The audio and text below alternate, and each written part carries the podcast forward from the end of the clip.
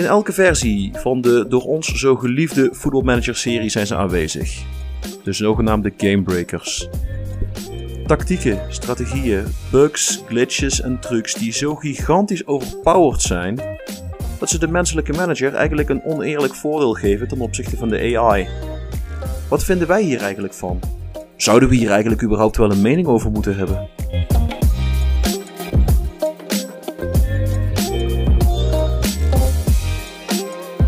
De Voetbal Managers United podcast.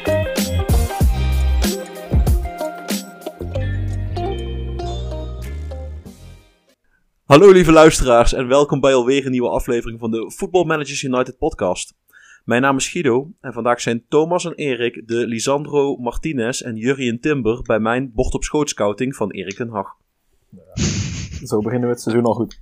Ja, Ja, sch- schitterend. nou, om de een of andere reden trekken wij heel veel Feyenoorders aan en die hebben van nature zijn dat eh, niet, niet zeg maar grote fans van Ajax. Ik ben geen Feyenoorder, maar ik ben ook geen groot fan van Ajax, dus ja, kom op joh. Maar het is toch ook lazy scouting als je gewoon de helft van de basis van je vorige club mee wil nemen. Dat, dan maak je mij niet wijs dat je dan zegt, nou, dat, die hebben ze goed gescout, hé. Ja, je begint je wel vragen te stellen bij het scoutingsapparaat van, van Man United, inderdaad. Nou, niet alleen van Man United. Als je als, je, als je als Ajax zijnde je beste spits die je kunt verzinnen, het voormalige product van je eigen jeugdopleiding is, die, die transfervrij vertrokken is en die je voor 20 miljoen moet terugkopen, dan gaat er ook ergens iets niet helemaal lekker. Eh, nee, dat, dat is ook waar. Maar goed, voordat wij. eh, Jezus, zijn we ooit al eens een keer in de intro afgedwaald? Eh, ja, ik denk zelfs al meerdere keren. Nou ja, in ieder geval zijn we het nu weer gaan doen. Voordat we, voordat we gaan beginnen, we hebben een nieuwe, een nieuwe gast erbij. Iemand die nog eh, een virgin voor de podcast. Zeker. Thomas, zou jij jezelf willen voorstellen aan onze luisteraars? Ja, zeker. Eh, nou, ik ben de Thomas, eh, boswachter. Eh, ja, daar sta ik op meerdere plekken een soort van semi-bekend. Niet te bekend hoor. Eh, ja, wat, wat, eh, weet je nog meer dat ik zeg? Ik woon in Rotterdam inderdaad de Feyenoorder, zoals eh, Guido net al verraadt. Voetbalmanager speel ik sinds, denk ik, oeh, 2010. En dan ook echt de, die versie. Ehm een jonge jongen eh, gedownload. En eh, eigenlijk sinds, sinds dat jaar eh, maak je er elk jaar zo stiekem eh 4, 5, 6, 7, 800 uur. Afhankelijk van hoe druk het de rest van mijn leven is. ja, eh, de duizend moet ik nog eh, wel een keer eh, over, overschrijven. Ehm, ik weet niet of ik dat daar dan trots ook op moet zijn of niet. Maar goed, dat is eh, denk ik een, een, een, eh, iets dat veel andere luisteraars eh, wel of niet zullen herkennen. Mijlpalen. Mijlpalen zijn Ja. er om te behalen. Wij geloven Zeker erin. weten. Oké. Nou, misschien moet ik hem dan nog een keer behalen, maar Ja, jij kunt dat. We hebben vertrouwen in je, Thomas. nou top. Voor zover het, eh, het voorstelrondje. Eh, overigens ook een shout-out naar Thomas, want dat is een van de mensen die zich via Twitter gemeld heeft van... hey, ik wil best wel eens een keer aansluiten. Nou, je merkt ook dat wij daar iets mee doen. Als mensen willen aansluiten, dan zijn ze van harte welkom om te komen. Dus als er nog andere mensen zijn die in de toekomst een keer willen aansluiten, eh, meld je gewoon. En als je een leuk verhaal hebt, dan doen wij daar wat mee. Having said that, dan gaan we naar onze eigen save games toe.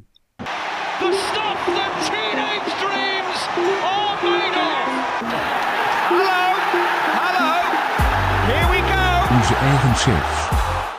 En ik, ik vind eigenlijk wel dat ga- gasten gaan voor, of niet, Erik? Absoluut. Maar Nou, ik hoop eh, wel dat het aardig. geen game met Feyenoord is. Nee, niet eens. Gelukkig. Niet eens. Dan, dan maar mag geen, je. eh, geen obscuur eh, derde klasse Hongaars team of zo, dat ook weer niet. Ehm, nee, eh, het was eigenlijk een online save met, met één vriend van mij. En we doen eigenlijk altijd eentje per jaar en dan gaan we een beetje, kiezen we een, leuke competitie uit en dan pakken we een soort van laag geclasseerde, een beetje zo rond de, zeg even 10 tot 15e plek. Ehm pakken we daar twee teams van en dan gaan we kijken gewoon hoe, in een paar seizoenen of we ze een beetje Champions League contenders kunnen maken. Nice. Ehm, en dat was, ik denk, een aantal jaar geleden eh, met Southampton. En hij was Stoke. Dus een mooie tijd. Ehm, en eh, ja, het ging, wel- het struggle, ik struggelde wat met, mijn- met mijn formatie. Ik had wat dingen geprobeerd, links en rechts. En uiteindelijk eh, ehm, dacht ik van ja, fuck it. Ik, ik wil nu gewoon resultaat halen. Dus ik met die vriend zei, zei ja, we- kijk gewoon even online of je zo'n tactiekje kan vinden. Nou, ik ben... eh, ik voel hem aankomen. eh, Dus, eh, dus eh, ik eh, zoek, ik google, sorteren op, zeg maar op de, volgens mij op FM Scout. Ik sorteer op meest gedownloaden. En daar zag ik de prachtige drie spitsen tactiek staan. Guido, jouw haren gaan niet overeind staan, ik weet het. Maar, maar eh, ik zag hem staan. En eh, ik dacht, ik probeer het gewoon. Dus, eh, eh, nou ja, ik eh, eh, importeer de tactiek. We hebben alles een nieuwe tactiek. Even, moet even laten sudderen. Het duurde denk ik twee wedstrijden voor ik, voor ik dingen met eh twee, drie, vier doelpunten verschil ging winnen. Eh, waarbij ik uiteindelijk... eh, ja, eh, het maakte eigenlijk niet uit wie ik in die drie voorste spitsen opstelde. Ik begon ooit met eh Tadic toen nog, eh Gabbiadini en... Nou, en wel een Engelse rechtsbuiten Redmond volgens mij.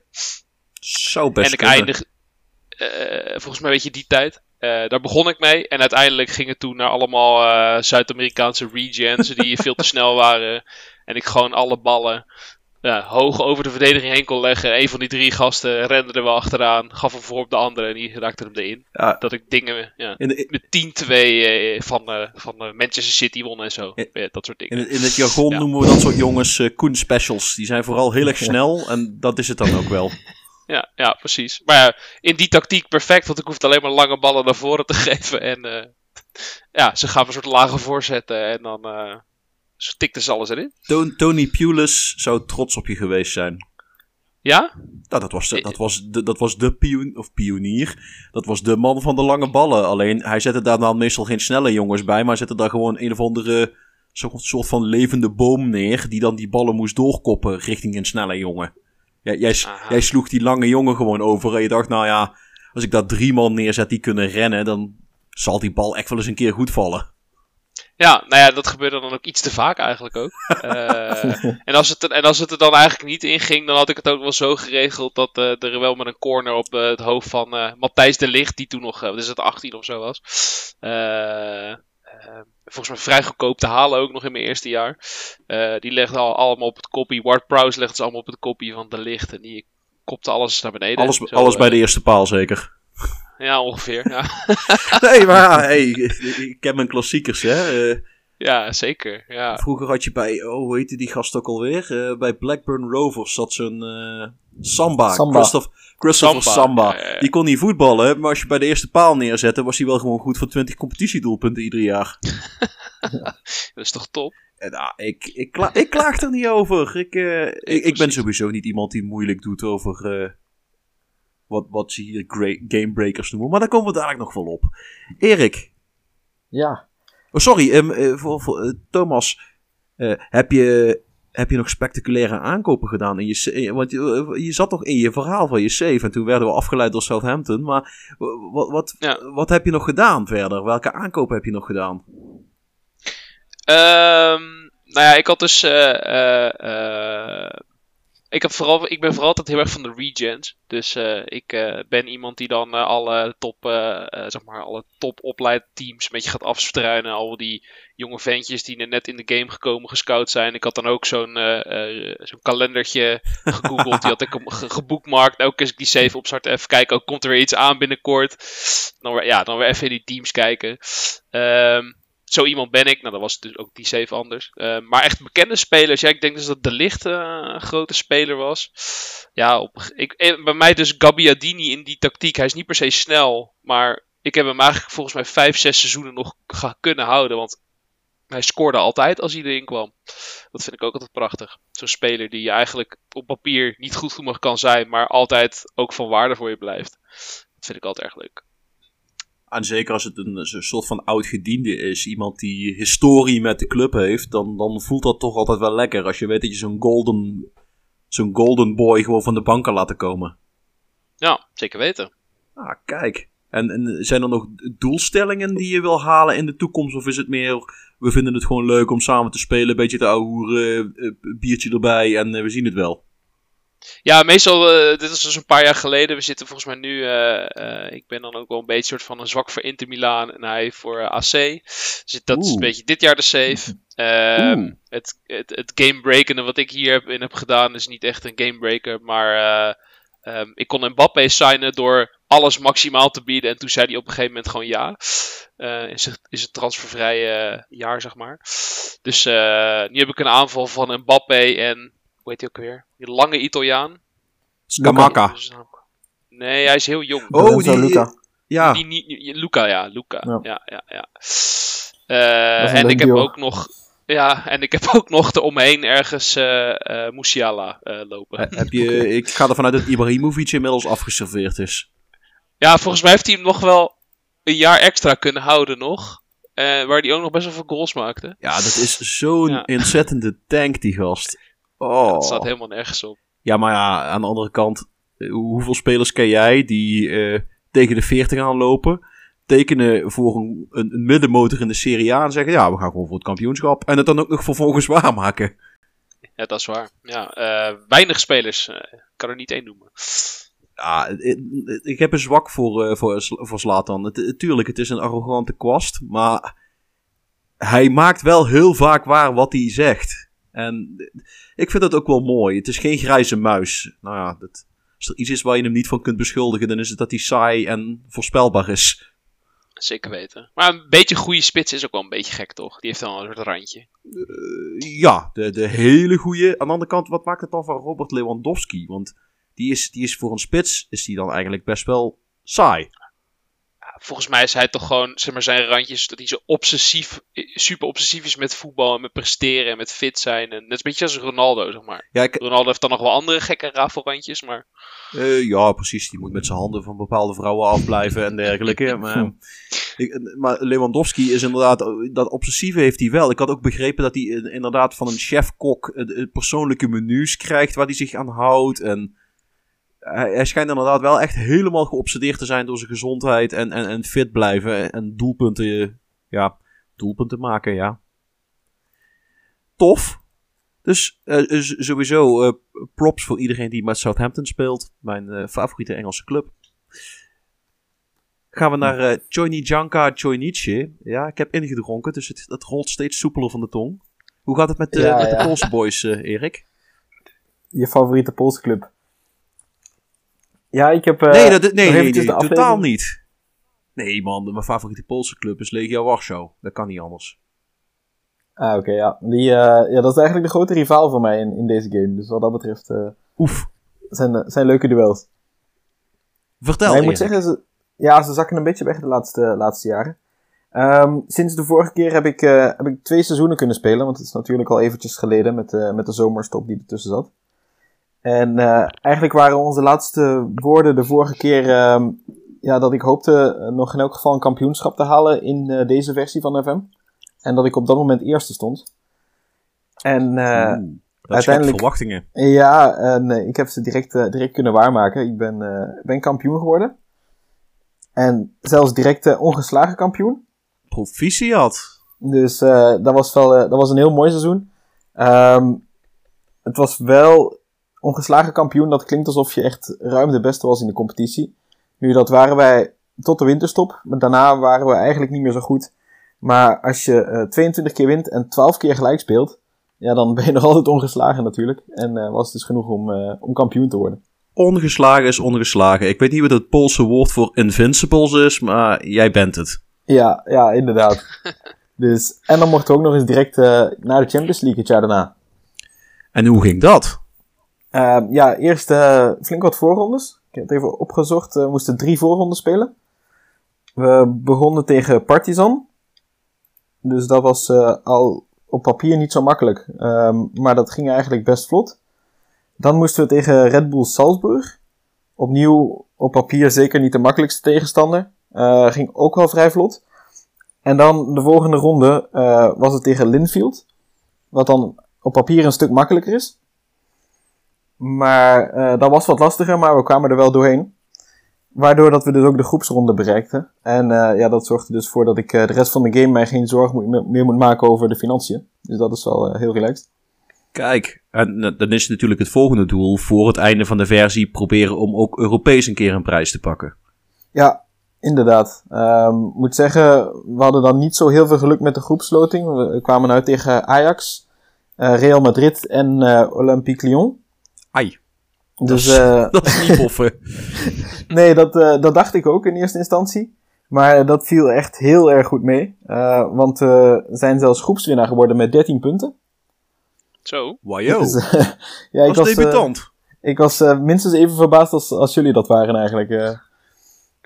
ja, het, het, het liep gewoon allemaal echt heel goed. Dus ja, en dan eh, mochten we dus eh, nog naar de eerste knock-out eh, ronde. En daar moesten we tegen Borussia Dortmund. Wat dan weer eigenlijk weer makkelijker lijkt dan bijvoorbeeld Real Madrid.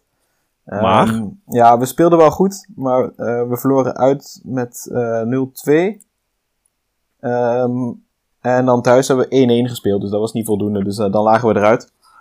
Maar ja, een supermooi parcours natuurlijk voor, als, als debutant in de, in de Champions League. Zeker omdat je ook nog eens een keer het moet doen zonder zeg maar de, de cheatcode van vage Zuid-Amerikanen en Afrikanen. Ja, ja, inderdaad. En ik moet ook zeggen, ik heb, ehm, ja, ik heb wel goede jeugdlichtingen gehad, maar nog, nog ge- geen enkel echt uitzonderlijk talent. Dus het is de kracht van het collectief. Ja, en de tactiek. Eh, Kijk, kijk, kijk, kijk. Heb, je Ik, die ook, heb, je die ook van internet, eh, zo- net zoals in Nee. ik en zo lente Nee, nee, nee, ik heb hem, eh, ik heb hem zelf, eh, zelf gebouwd. Ehm, het, is wel, het is een strikerless tactiek. uiteraard. Ehm, dat moest ook wel een beetje... Met het mes op de keel? Of, eh, nee, helemaal volledig, niet. Volledig vrijwillig, volledig vrijwillig. Oké, oké. Ja. ik ben ik moet ook fundamentalist. Ik, ik heb ook gewoon... Ik heb bijvoorbeeld geen enkele speler ehm, die eh, meer dan 11 heeft voor afwerken. Nee, dan zou ik Dus- ook strikerless gaan spelen. Ja, dus ja, ik, ik moest wel iets, eh, iets bedenken. ik, Dus, heb eh, trouwens ik heb trouwens gegoogeld wat Invincibles in het Pools is. En ik ga het proberen. Nezwicichoni. Eh, Dat zal gegarandeerd verkeerd zijn. En als er mensen zijn met Poolse roots die luisteren, corrigeer me maar. Ik vind het prima. Ehm Nezwicichoni. Nou, Ja. dat, dat zijn jullie dus. Een vleugje Italiaans lijkt het wel. Ja, joh. maar, eh, ik, ik kom in het Pools eigenlijk niet verder, dan, verder dan en eh Kurva. En dat zijn alle. En, en eh, nou ja, ik kan pirogi bestellen. Die zijn trouwens wel echt vet lekker. ja, de essentials. Nou ja, dat. En daar kom je een heel eind mee. En als je gewoon een aantal vingers opsteekt, weten ze vanzelf wel hoeveel bier dat je wil hebben. Wel een leuke, wel een mooi land trouwens, Polen, als je er eens een keer op vakantie wil gaan. Ja, Geef staat op gewoon gratis reisadvies. Dat doen we ook in deze podcast. Ja, Na, naast dat, ja goed, maakt ook niet uit. Ik, eh, ik, ik spring even snel dan eh, helemaal naar de andere kant van de wereld, naar eh, Colombia. En in de vorige aflevering zat ik in 2062, ik zit inmiddels in 2064. En ik ben lekker door aan het raggen, jongens. Ehm, zomervakantie, dat helpt wel. Dat betekent gewoon dat ik niet hoef te werken. Ehm, ja, goed, ik moet wel achter de koters hier thuis aanrennen, maar die, af en toe slapen die ook en dan kun je gewoon computeren. Ehm, mijn doelstelling daar is eigenlijk, nou ja, uiteraard om zoveel mogelijk prijzen te pakken, maar ja, dat spreekt voor zich. Nee, mijn doelstelling vooral was om, ik noem het dan de Pelé Challenge, om te kijken of ik een speler kan krijgen die het doelpuntenrecord van Pelé overtreft. Nou, en eh, die Lapsmans eh, die is tot 1301 doelpunten gekomen. Waarbij hij zijn interland doelpunten, doelpunten en bekerduels, hij heeft gewoon alles geteld. Maar het moesten wel officiële wedstrijden zijn. Nou, ik heb, er, eh, ik heb een speler die hard op weg is. Ehm Maisel Sapsch, die is nu 30. En die staat op, en ik moet heel even kijken, want ik hou eh, op, een, eh, op een klapblokje hou ik per seizoen zijn doelpunten totaal bij. Hij staat op 1061 officiële doelpunten. Zo. Waarvan eh, Jeetje. 756 gescoord in de Colombiaanse competitie. Eh, maar dan heb ik dus ook zijn interland doelpunten en onder 21 interland doelpunten meegerekend. Ehm, maar hij gaat als een trein. Ehm, hij is pas 30. Eh, natural fitness is met 11 niet super hoog, maar ik schat dat hij toch nog 4 of 5 jaartjes dat ik eruit kan persen.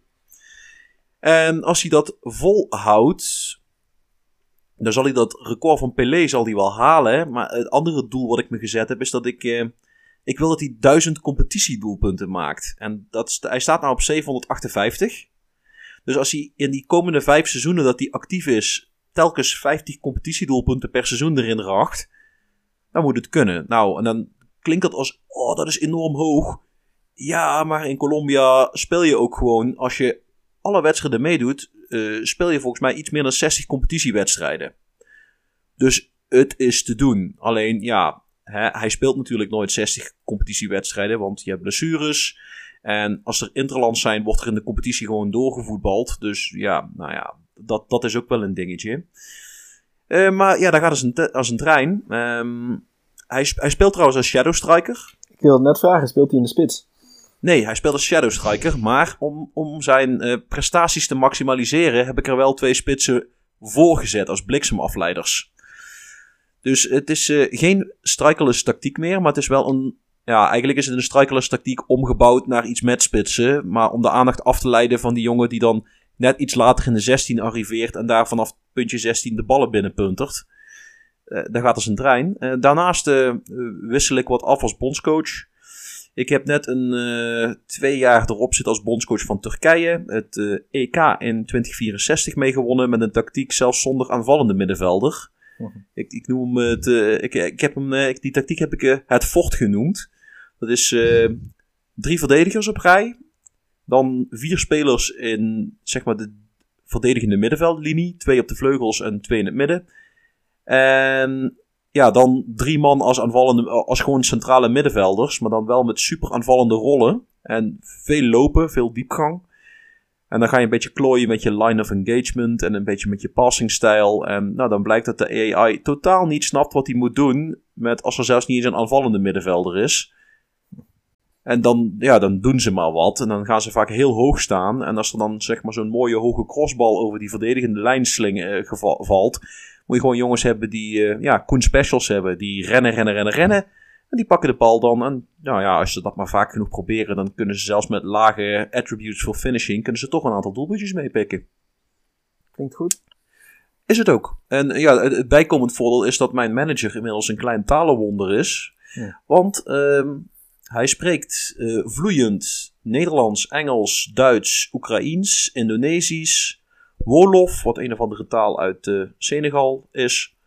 eh, Frans, Kantonees, Afrikaans, Zulu, Sesotho, Chinees, Portugees, Italiaans, Servisch, Kroatisch, Montenegrijns en Turks. En nu basic Deens.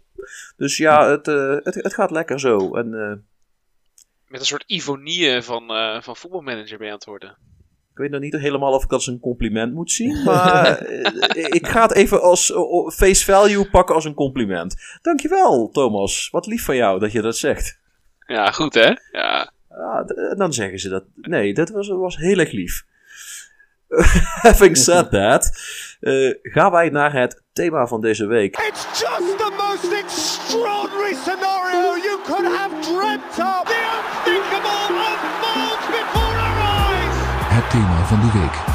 En ik denk dat we in onze eigen verhaaltjes net al een paar in, eh inleidingjes gegeven hebben. Maar de Gamebreakers. En ik, ik ga het woord eerst even, even aan Thomas geven. Want deze hele aflevering was zijn, was zijn idee eigenlijk. Eh, hoe kwam je erbij om, om hier een aflevering over te willen maken? De Gamebreakers. Ja, ik, ehm, ik heb best wel een aantal vrienden ehm, ja, die, die ook voetbalmanagers spelen. En naast dat je het inderdaad eh, over je, over je saves hebt, eh, vinden we het ook altijd leuk om. eh, heb, jij nog iets, heb jij nog iets leuks geprobeerd? Heb je nog iets nieuws uitgevonden? Ook een beetje altijd leuk om op Twitter of op, op internet een beetje daarover te lezen. Ik vind het altijd prachtig als je inderdaad eh, ziet dat een, eh, eh, bijvoorbeeld in mijn intersave Koulibaly eh 22 goals heeft gemaakt. alleen maar uit corners. Met een of andere inderdaad tactiek met de eerste paal. Dat dat nog steeds werkt na al die jaren. Prima. Dat is ook de enige reden overigens waarom ik Koulibaly heb gekocht. dat is echt dat die, die ballen erin kon koppen. maar gewoon dat soort dingen vind ik, altijd, vind ik altijd erg leuk om op te zoeken. Dus, en ik zat een beetje te kijken. Volgens mij hadden die nog nooit onder, als onderwerp gedaan. Dus vandaar. Nou ja, eh, eh, wij vinden het ook leuk om over dit soort dingen eens een keer na te denken. Want ja, Weet je, dit is eh, seizoen 3, dus voor mijn gevoel hebben we de cliché-onderwerpen hebben we allemaal gehad. En op het moment dat je dan in zo'n script zit, ga je toch eens eens nadenken over, oh, dit is eigenlijk wel tof om het over te hebben, en daar kunnen we het nog over hebben. Dus ja, de Gamebreakers. Erik, hoe zou jij een Gamebreaker definiëren? Wat is een Gamebreaker voor jou? Ja, voor mij is het, eh, is ja, iets eh, dat, hoe moet ik dat zeggen eigenlijk? Ehm, ik vind het belangrijk dat het, dat het wel is toegestaan, dus dat het geen vals spelen is. Maar toch iets waar dat de, de AI het moeilijk mee heeft. eh, waarmee ja, dat je de AI dus eigenlijk kunt verslaan, om het zo te zeggen. zonder dat je echt vals speelt. Dus, als ik het goed samenvat, iets wat jou een, een behoorlijk voordeel geeft ten opzichte van de computer. Ja. Zo- zonder dat je daarbij, zeg maar, eh, eh, het spel op een oneerlijke manier het beïnvloeden bent. Ja, klopt, inderdaad. Nou, dat is een definitie waar ik mee kan leven. Thomas, eh, klinkt dat voor jou als een definitie waar we mee kunnen werken? Ja, volgens mij wel. Ja, zeker weten. Ja, voor mij is het gewoon, eh, als ik het soort nu al een soort, eh, een soort 2 2.0 van kan maken, is het voor mij een beetje. Eh, Zo'n spel bestaat natuurlijk altijd allemaal, eh, zeg maar even, systemen, algoritmes. eh, dat je gewoon eigenlijk heel vaak naar zo'n systeem gaat zitten kijken. en eigenlijk kijkt van, oké, wat wanneer breekt dat systeem nou? Wanneer komt dat uit dat rondje, zeg maar, uit die Mhm. cirkel? En dat pak je dan en dat ga je, daar ga je een beetje op zitten prikken. En, ja. Dat klinkt een beetje als wat ik ook vaak doe. Dan, dan heb je iets ontdekt wat schijnbaar lijkt te werken. En dan ga je kijken, kan ik dit herhalen? Kan ik dit opnieuw doen? Kan ik dit zo vaak herhalen dat het ook werkbaar wordt? Want ik noem maar eens wat, die korte corners, ik vind ze nog steeds kei, kei mooi. Maar dat is misschien één keer in de 50 keer dat het echt zo'n mooie vloeiende combinatie oplevert. Als je puur voor de effectiviteit zou willen gaan, dan ga je voor de cornertjes naar de eerste paal of, of dat soort toestanden. Want ja, het werkt beter. Maar zo ontstaat dit wel. Hè? Je ziet iets wat werkt. Of je ziet iets wat je interessant vindt. En dan ga je kijken, kan ik dit reproduceren? Mhm. Er zit ook een bepaalde analyse-stap in natuurlijk in van waarom werkt dit. In ieder geval voor mij is dat zo. Ehm eigenlijk dat je dus een beetje dat systeem gaat, wat er bestaat, eh, ja, dat je dat een beetje gaat leren begrijpen. Ehm, ik heb bijvoorbeeld op een gegeven moment een corner tactiek gehad dat ja, ik ga hem op de eerste paal. Maar toen heb ik er nog een andere speler bij gezet die heel dicht tegen de keeper aanstond van de tegenstander, zeg Ja, maar om een beetje te hinderen. ja, ehm, in ieder geval dat was het idee. En dat werkte bijzonder goed. Want als eh, eh, de bal schapte, of hij kwam niet op eh Koulibaly's hoofd, even om als voorbeeld te nemen. Dan stond er wel weer een andere speler, wat bij mij Bastoni was, om die bal er snoeihard van heel dichtbij in te schieten.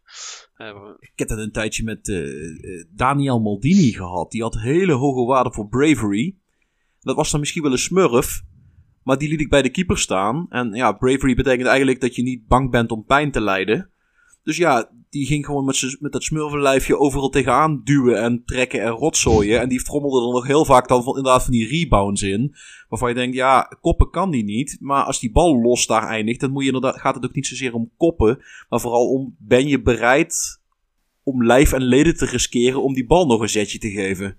En ja, daar was die kei goed in. Ja. Maar naast, naast de set pieces, hè, ehm, er zijn er natuurlijk nog veel meer gamebreakers geweest. Ehm, corners, daar is denk ik eh, structureel elk jaar wel, wel iets wat, wat eigenlijk beter werkt dan het zou moeten werken. Ik, ik weet niet of jullie, kunnen jullie die versie nog herinneren waar je telkens een speler vrij kon krijgen op de rand van de 16. Dat je gewoon spelers 10 of 15 van die volleys per jaar erin kon laten raggen van randje 16. Ja, dit, was niet eens, dit was niet eens lang geleden, toch? Dit was echt... 16 of 17? Even uit mijn Ja. hoofdje. Ja, goed, ik, eh, lang geleden is relatief, hè. Ja, sure, maar... ja dat je eh, inderdaad niet, eh, dat je het instelde als korte corner, maar dat je niemand als korte corner liet komen. En dan gaven ze die op de randje 16 en dan eh trapten ze die allemaal binnen. Ja, echt, het was geniaal. En dus, deze is wel wat langer geleden, ik denk 14 of 15. De korte optie werd toen niet afgedekt. Dus die werd ingespeeld en die kon gewoon naar binnen dribbelen de 16 in. Hm. En die werd niet aangepakt. Ja, dus die kon iedere keer vrij aanleggen voor de korte hoek. Ja, weet je, eh, zelfs als je daar eh, bij wijze van spreken René van Rijswijk dat honderd keer laat doen, dan zal hij er op een gegeven moment ook wel een stuk of drie, vier inschieten. en eh, voor de mensen die al wat jonger zijn en toch luisteren naar deze podcast. René van Rijswijk is een, een cultheld in de spits. Die vooral bekend stond om zijn kapsel met een hele lange paardenstaart. Maar niet zozeer om zijn scorend vermogen. Want hij is volgens mij ooit drie of vier eredivisie-seizoenen lang zonder doelpunt gebleven. Terwijl hij wel best wat wedstrijden eh, zeg maar in het veld stond. Wel een leuke jongen voor de sfeer, heb ik gehoord. Ook belangrijk. Voor de kleedkamer zeggen ze dat dan, geloof ik. Ja, Klopt. Eh, kunnen jullie ook. ehm, kunnen jullie ook. De, want we hadden het net al over tactieken die overpowered zijn. Ehm, de- deze is wel oud. Eh, kunnen jullie je de, Diablo-tactiek nog herinneren? ja, daar heb ik heel veel van gehoord, maar ik heb daar nooit zelf mee gespeeld. Dus ik, ik weet niet heel precies hoe die in elkaar zit. En Thomas is denk ik te jong om hem, eh, om gekend te hebben. Nee, het zegt maar ook weinig oud, om eerlijk te zijn. Oké, ik, ik ga proberen uit te leggen. Ehm, laat ik gelijk zien hoe oud dat ik al ben. Ehm, ah. Eh, De Diablo-tactiek was eigenlijk... eh, ik, volgens mij was het 0304. Eh, Dus het was nog Championship Manager. Net voordat hij overging naar Football Manager. En dat bestond er eigenlijk uit dat je aanvallen... Dat je mid, centrale middenvelder... Had dan, daar kon je dus zeg maar nog met, de met de muis kon je looplijntjes tekenen. En die kreeg een looplijntje tot tussen de twee spitsen. En de twee spitsen, liet je, eentje liet je naar links gaan en eentje liet je naar rechts gaan. En omdat de AI heel vaak mandekking speelde, betekende dat dat de mandekkers netjes met die spits meeliepen. Waardoor jouw centrale middenvelder elke keer ja, vrij in de 16 kwam te staan, want er stond niemand meer. Ehm dat heeft even geduurd, want dat hebben ze uiteraard ook gewoon gepatcht hoor.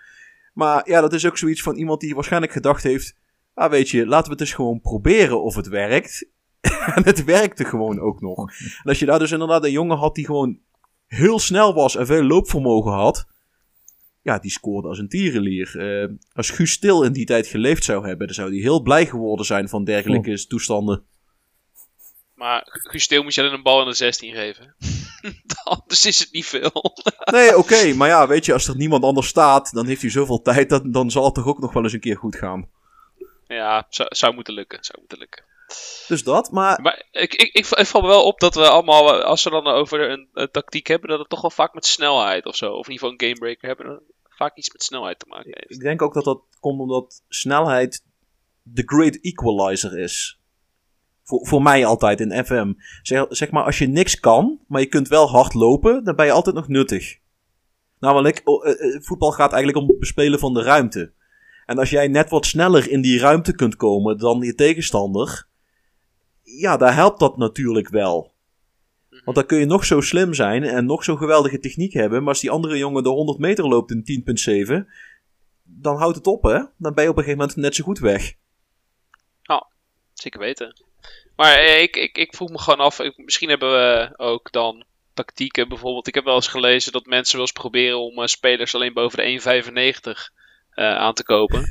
Eh, eh, en ik heb daar ook wel eens eh, goede dingen over gehoord. Maar eh, En dan moet je wel de, natuurlijk de, de, geprobeerd. de speelstijl daarop aanpassen. Want dan is het juist Sure. belangrijk dat je de ruimtes klein houdt. Dat die jongens hun, hun fysieke overwicht ook kunnen gebruiken. zeker, Dus, zeker. Voor mij was dat, eh, dat was voor mij een van de gamebreakers in de, in de vorige versie. Ehm, als je met een eh, heel lange vleugelspits speelde. Die kwam White heel vaak man. tegen. Ja, op zich moest dat niet eens die rol zijn, maar gewoon een, eh, gewoon een grote winger tegen een heel kleine back. En dan eh, voorzetten geven naar de tweede paal. En eh, ja, zo kon je er echt wel heel veel, ma- heel veel maken. Als, Ik, ik, heb dat, ik heb dat deze FM nog gedaan, als ik heel eerlijk ben. maar nou, Eh Roko, eh hoe heet die? Roko Simic of zo?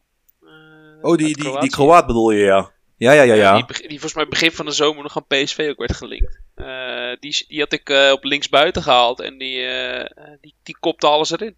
Ja, Ja, dat, Dat, eh, maar dan ja. moet ik zeggen dat volgens mij is dat elk jaar. Net als je uit de beta-fase, eh, uit de beta komt. Crosses zijn super overpowered in het begin. En naarmate dat je verder komt, wordt het dan weer getweakt en genervd. Want dan wordt iedereen die niet met voorzetten wil spelen, gaat dan je open jengelen van, ja, maar mijn speelstijl werkt niet.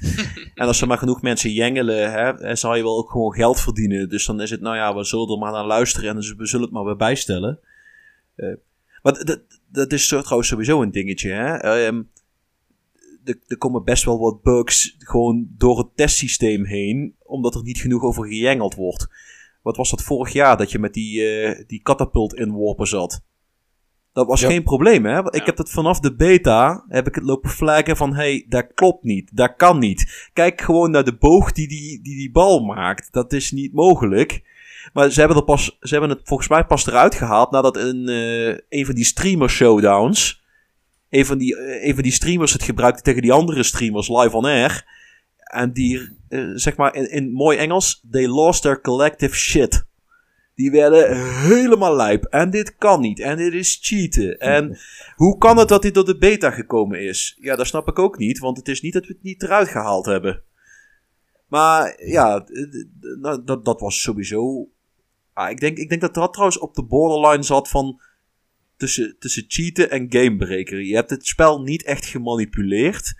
Maar je bent wel echt dingen aan het doen die gewoon eigenlijk niet kunnen. Die, die fysiek onmogelijk zijn. Ja, het- het maakte het ook, het spel eigenlijk gewoon te makkelijk, bijna. Ja, omdat je eigenlijk per wedstrijd kon je er gewoon twee of drie maken als je het goed ingesteld had. Ja, nee, absoluut. Dat was, eh, ja, was inderdaad, Wat- zoals je zegt, op het randje. Wat best leuk was als je een klein teamje was en je wilde een keer geweldig Ja. presteren. Maar ja, weet je, op een gegeven moment is het niet meer leuk als je elke wedstrijd drie van dat soort doelpunten maakt en voor de rest amper aan het doel, voor het doel komt. Maar je, je, je, noemt, je noemt dit dan cheaten. Waar, waar ligt voor jou die, die schei, die schei... Of in ieder geval, het lag meer richting de rand van. Waar, waar ligt voor jou die lijn? Ik, ik denk dat het vooral ermee te maken heeft dat het niet, eh, niet reëel is. Kijk nou, eh, het is ook niet reëel dat ik een spits heb die er 97 in een seizoen in racht. Hm. Maar eh, dat zou kunnen. Dat, dat, dat bestaat. Ehm, je kunt zeggen, eh, eh, je zou kunnen zeggen, als jij een spits hebt die eigenlijk in de top van La Liga thuis hoort en je laat die in de Colombiaanse competitie spelen, dan gaat hij er veel, dan gaat hij meer dan één op één lopen. Nou, dat, dat zou kunnen. Maar als je naar die, nou, la- la- laat ik het voorbeeld even pakken van die long throws. Ehm, er zijn een aantal dingen waarvan ik zeg, nou dat kan niet. Om, te beginnen, de boog die die bal maakt. Die bal gaat bijna het stadion uit en valt dan weer terug. En vervolgens de apathische houding van de keeper. Als die bal met zo'n boog aankomt, dan kan die keeper eigenlijk op zijn gemakje voorspellen waar die bal gaat komen. Ja, en een keeper zal, zou, springt normaal gesproken, omdat hij zijn handen mag gebruiken, altijd hoger dan een aanvaller. En wat zag je voetbalmanager? Nou, dat kon hij dus niet. Hij sprong niet hoger, hij schatte het niet goed in. En werd vervolgens ook nog iedere keer geklopt. Soms zelfs door spelers van een meter zeventig. Ja, dan... Niet dat ik het niet grappig vind. En ik ga het absoluut gebruiken. Maar als je het zo consequent kan gebruiken... Dan zit het wel... Tegen, tegen de grens aan van wat cheaten is, denk ik. Ja, ja nee, eh, ik denk dat ik het daar wel eigenlijk volledig mee eens ben.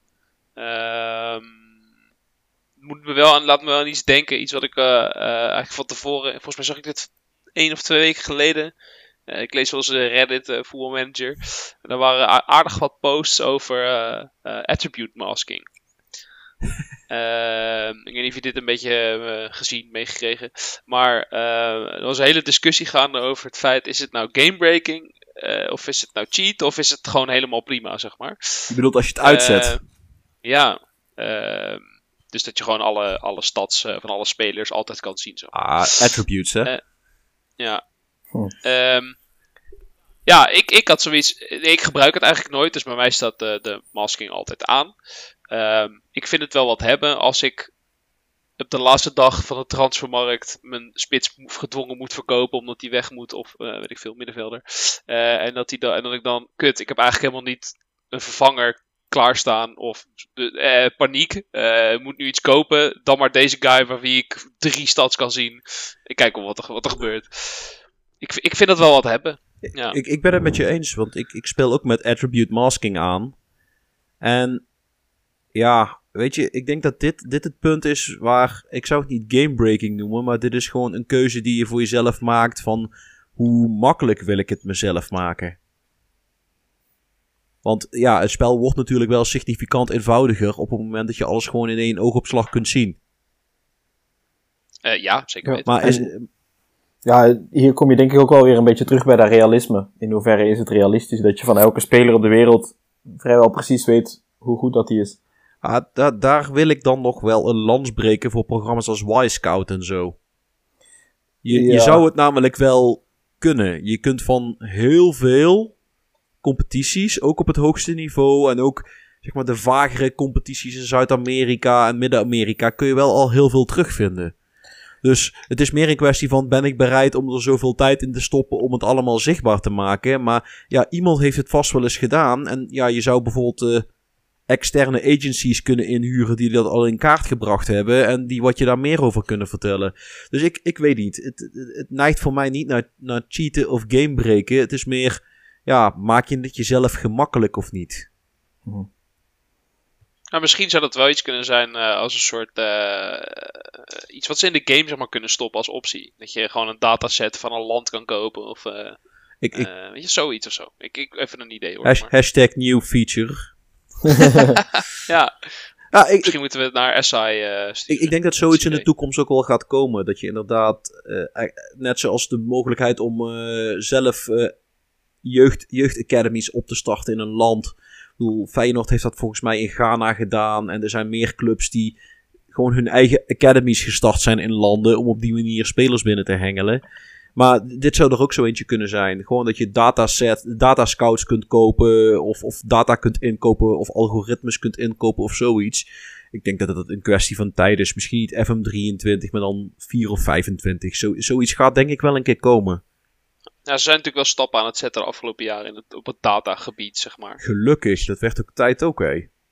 Zo, zeker weten. En nu, ik bedoel, XG hebben we. Nou is het wachten op XA eigenlijk. En dan zullen er nog wel meer dingetjes gaan komen. Zeker als, als je ziet hoeveel, uh, hoeveel belangrijker de data geworden ook is. Ook in de presentaties die je van analisten te zien krijgt op tv denk ik dat het een kwestie van tijd is voordat voetbalmanager daarin gaat volgen. Zeker omdat het voor hun enorm eenvoudig is om dat soort dingen toe te voegen. Mhm. je, je hele spel is een en al data. Het is meer een kwestie van maak het leesbaar en zorg ervoor dat mensen het, zeg maar, die data ook eruit kunnen halen. Ja. Maar we, dwalen af, joh. Uh, het ging eigenlijk over de gamebreakers. Um, eentje die ik erbij had staan is uh, een, een, een twijfelgevalletje als het gaat om gamebreakers. Hoe kijken jullie aan tegen, zeg maar, ze noemen het dan OP playing styles. Overpowered, een, een, een speelstijl die overpowered is. Uh, crossing en, of counterpressing. Zeker counterpressing valt dat denk ik wel in. Uh, iedereen en zijn moeder speelt counterpressing omdat het gewoon enorm goed werkt. Maar is dat dan ook een gamebreaker als je het op die manier speelt? Ja. Ik... Ja, zeg maar Thomas. Ja, ik. Uh, kijk, uh, ik, ik, ik heb niet een uitgebreide analyse of een uitgebreid onderzoek in gedaan. Maar ik heb wel een beetje het gevoel dat de teams. De, de teams die dit op een juiste manier in het echt spelen. ook goed, echt goede resultaten halen op dit moment.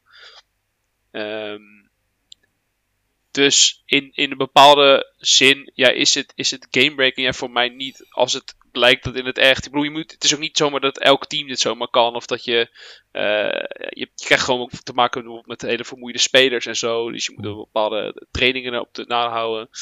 Ja, ik, ik heb wel erg het gevoel. Kijk, ja, ik zou gewoon zeggen eh, dat het geen gamebreaking is, maar je kan je wel afvragen of altijd een 4-2-3-1 uh, counterpress, gegenpress-achtige tactiek uh, leuk is. Dat, dat ja. wel. Ja, ik ben er eigenlijk wel redelijk mee eens. Wat Thomas ook zegt, inderdaad, in het echte leven heb je ook dan een soort van. Uh, ja, je hebt eigenlijk altijd zo tijden. En dan nu is het eigenlijk de tijd van counterpressing. En uh, spelen alle teams die counterpressing spelen, die het goed doen tenminste, die, die laten ook mooie resultaten zien. Uh, binnen, binnen twee jaar zal misschien.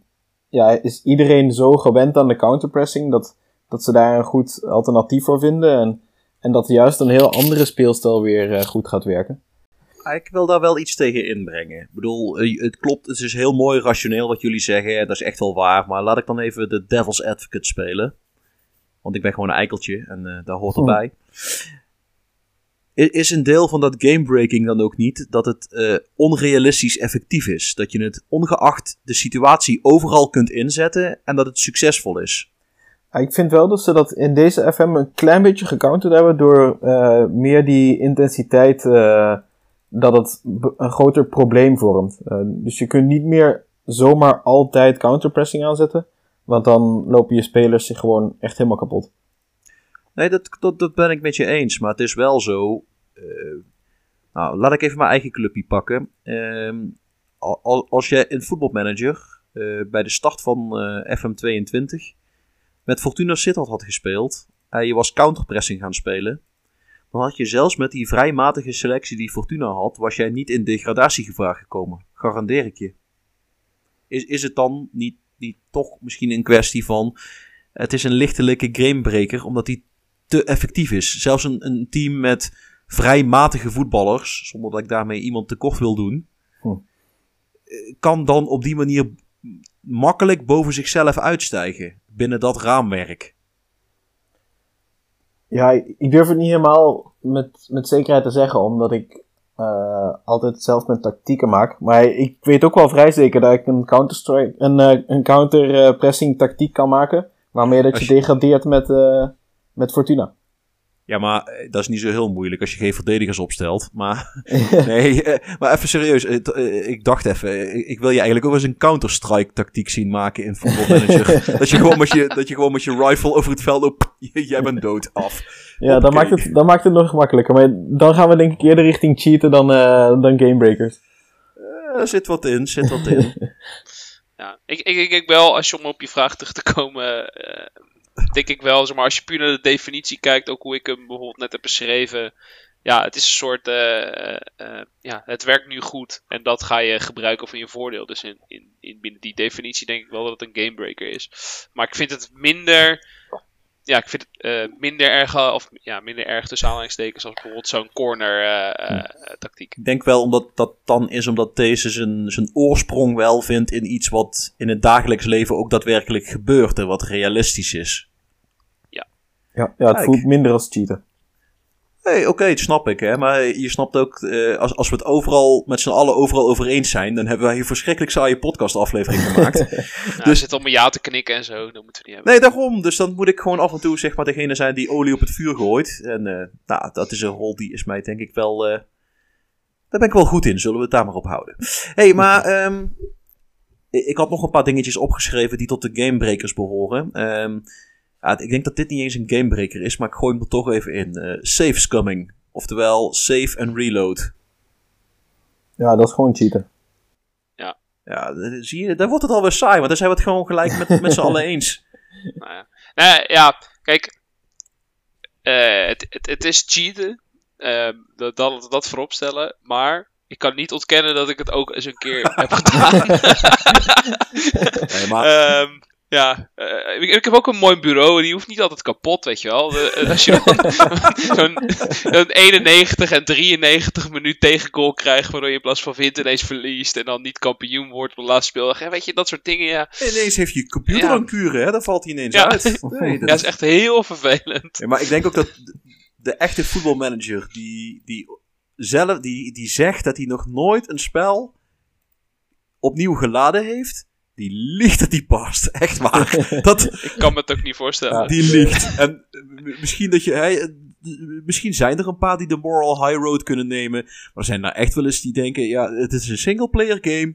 Niemand die ziet wat ik hier doe. Tjallas. Dit, Ja, dit proberen we nog eens een keer. Nee, ehm, een andere. ehm, zeg maar, we hebben net de safe scumming gehad. Maar dit, dit vind ik wel een, eh, een oprecht randgevalletje. Ehm league scumming. Zijn jullie daarmee bekend? Ja, dat is eh, ja, op een later tijdstip eh, competities inladen. Ja, precies. En dan Ja. die competities plunderen van alle new gens die worden toegevoegd. En die eigenlijk best wel goed zijn, zeg maar. Ja. ja, dat is inderdaad wat je zelf zegt.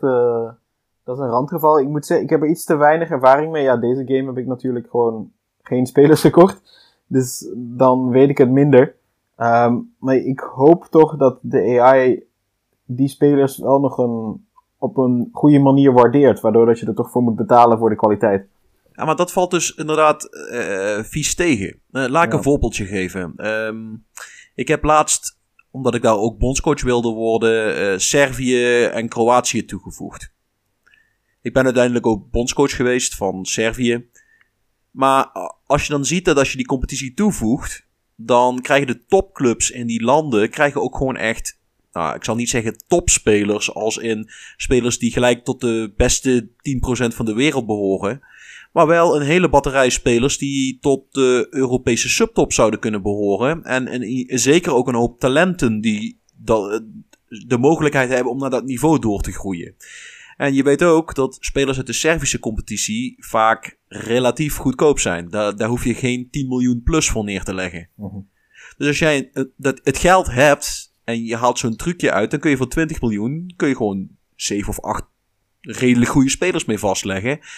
En dat betekent op de lange termijn dat je dat geld niet hoeft uit te geven aan, aan dergelijke spelers. Want ja, zie je, je, komt op het glijdende vlak terecht van. Het is een, het is een feature die SI heeft ingebouwd. Met het idee van. Je hoeft niet bij de start gelijk alle competities aan te zetten. om later nog van, eh, van continent te kunnen wisselen. Maar er zit wel een gevaar in dat er misbruik gemaakt van, wordt van die mogelijkheid. En ja, goed, eh, Thomas die had het er in het begin over en die zei: ehm, Je kunt er. Hoe, hoe zei hij dat ook? Oh ja, je, je analyseert wa- waar de kansen liggen. En als je dan iets ziet, dan ga je kijken of je het kunt hergebruiken en uitvergroten naar een grotere schaal.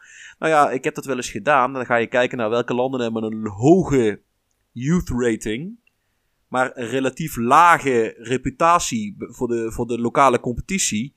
Ja, daar kun je dit soort stunts mee uithalen. Want daar komen dus wel goede spelers door. Maar die zijn niet belachelijk duur. Dus je kunt ze voor relatief goedkope bedragen kun je ze daar ophalen. Nou, een, ander land waar je dat gegarandeerd eens een keer bij moet doen is Colombia. Want daar zit echt wel talent. En het is niet super duur. Dus als jij met een, eh, nou ja, een ploeg speelt die Europees ambities heeft, geld heeft. Nou ja, daar, dan trek je daar zo een compleet elftal weg voor eh 20 miljoen. Wa- Was het ook niet, ik weet niet of dat deze versie ook nog altijd zo werkt, maar met een van de vorige versies, als je eh, Amerika volledig inladen, dat je eigenlijk al die, die academies eh, kon leegroven. Dat werkt nog steeds. Maar Ja. dat heeft meer met de, met de Amerikaanse competitieregels te maken. hè. Dat, Mhm. ja, al- als die spelers niet in het, eh, in het A-elftal zitten, dan zijn het geen profs. En dan kunnen ze dus ook geen profcontract tekenen. Ja, dat betekent gewoon dat je ze gewoon gratis en voor niks kunt halen. Wat ze wel goed gedaan hebben, is dat ze de kwaliteit van dat soort spelers niet meer zo belachelijk hoog gemaakt hebben. Het is, Ja, niet, meer, ja. het, het is niet meer zo dat een speler uit een eh, academy team in de VS zo direct in de eredivisie de basis inloopt van, van een willekeurige ploeg. Ja, nee, want dat was, ook, eh, dat was ook een tijdje het geval, want dat voelde dan ook, ja, dat voelde bijna als valspelen, omdat het zo makkelijk was. Ja, en eh, het was wel een hele goede truc als je heel snel je team Ja. wilde opbouwen. Want dan, ja, trok je, trok je een koekblik Amerikanen open. En die bleven één of twee jaar en die sodemieterden er weer op. Maar ja, als je op die manier Europees voetbal veilig kunt stellen met spelers die je voor niks kunt halen. En daarna weer voor een paar miljoen kunt doorverkopen. Nou ja, dan heb je het goed gedaan. Ja, ja, absoluut. Zeker met al die dubbele nationaliteiten daar. Dan kon je gewoon een halve Europeanen halen. Ja, dat. En als je pokerplayer doet, dan eh, kon je op die manier nog een keer wat obscure landjes bij elkaar verzamelen. Ja, inderdaad. Maar hoe kijk jij daar tegenaan, Thomas? Is het, eh, is het cheaten of eh, op het randje? De, het leaks ja, kunnen. leakscummen. Ja, ehm, nou, het is sowieso, eh, ik vind het sowieso game-breaking. Ehm, het heeft ook gewoon weer met het realisme te maken, denk Ja, ik, voor mij in ieder Dat geval. s- snap ik. Ehm, ja, ik, ik zet altijd, ik bedoel, ik heb ook een bak computer staan, zeg maar, maar eh, ik zet altijd gewoon zoveel mogelijk leaks aan. Zeker sinds volgens mij sinds 1, 2 jaar die, eh, die, die zeg maar, dat het wat sneller saved als je je game op, op, opslaat. Ehm, ik zet gewoon zoveel mogelijk competities aan die ik interessant vind. Die, die ik weet ook dat, zo'n, eh, eh, dat je er eh, voor een leuke prijs goede talenten vandaan kan halen. En eigenlijk zit ik dan bijna nooit meer aan die landen. Ehm, misschien heel af en toe dat ik eens een landje aanzet of een landje uitzet, maar het gebeurt niet veel. Dus ja, voor mij is het wel, zou het wel echt.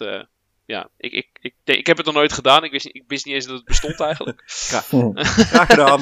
Maar eh, ja, ik ga het misschien wel een keer doen. Ik gewoon even benieuwd. ben. Nou, het, het is echt wel geinig om, om eens een keer te doen. Eh, Landen als Oekraïne, ehm, ik zei al Servië en Kroatië zijn daar interessant voor.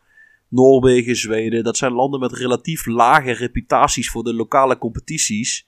Maar ja, je weet zelf dat er best wel wat wonderkids en talentvolle voetballers vandaan kunnen komen. Ja, nu kun je ze ook nog op een goedkope manier vastleggen.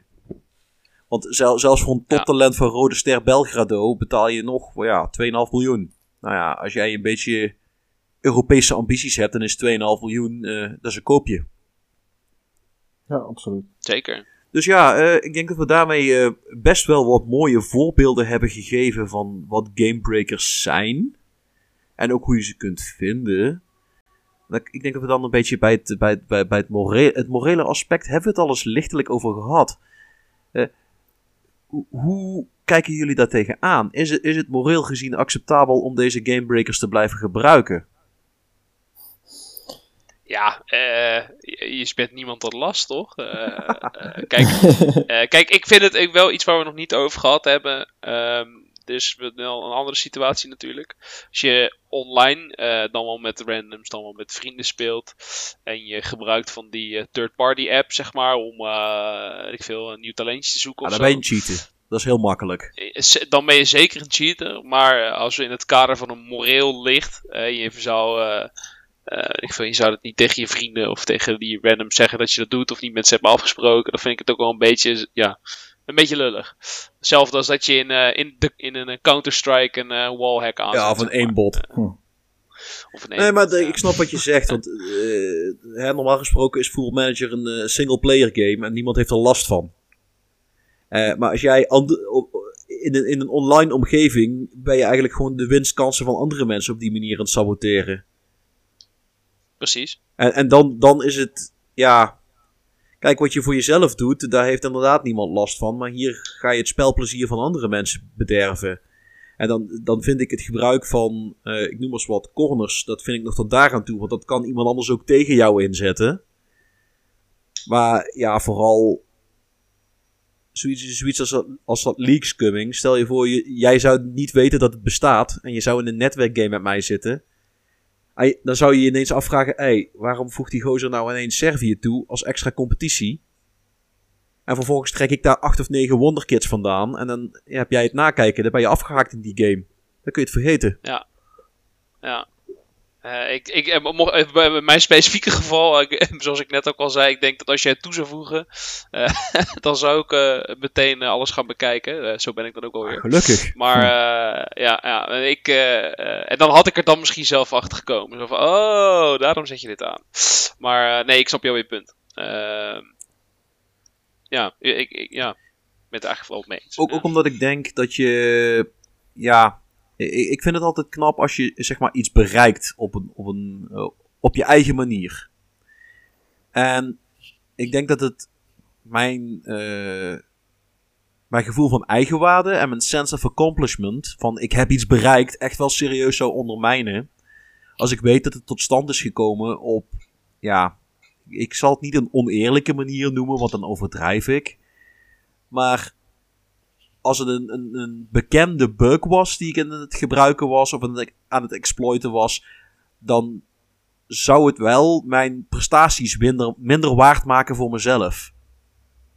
En, en laat staan als ik het ook nog ga delen met andere mensen.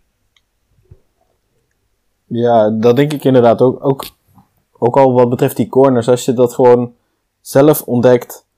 Ehm, als ik kijk naar bijvoorbeeld Liverpool een paar jaar geleden, die waren de eerste ploeg, denk ik, die zo de, de inworpcoach eh, hadden aangenomen. Ja, die Denen, hè?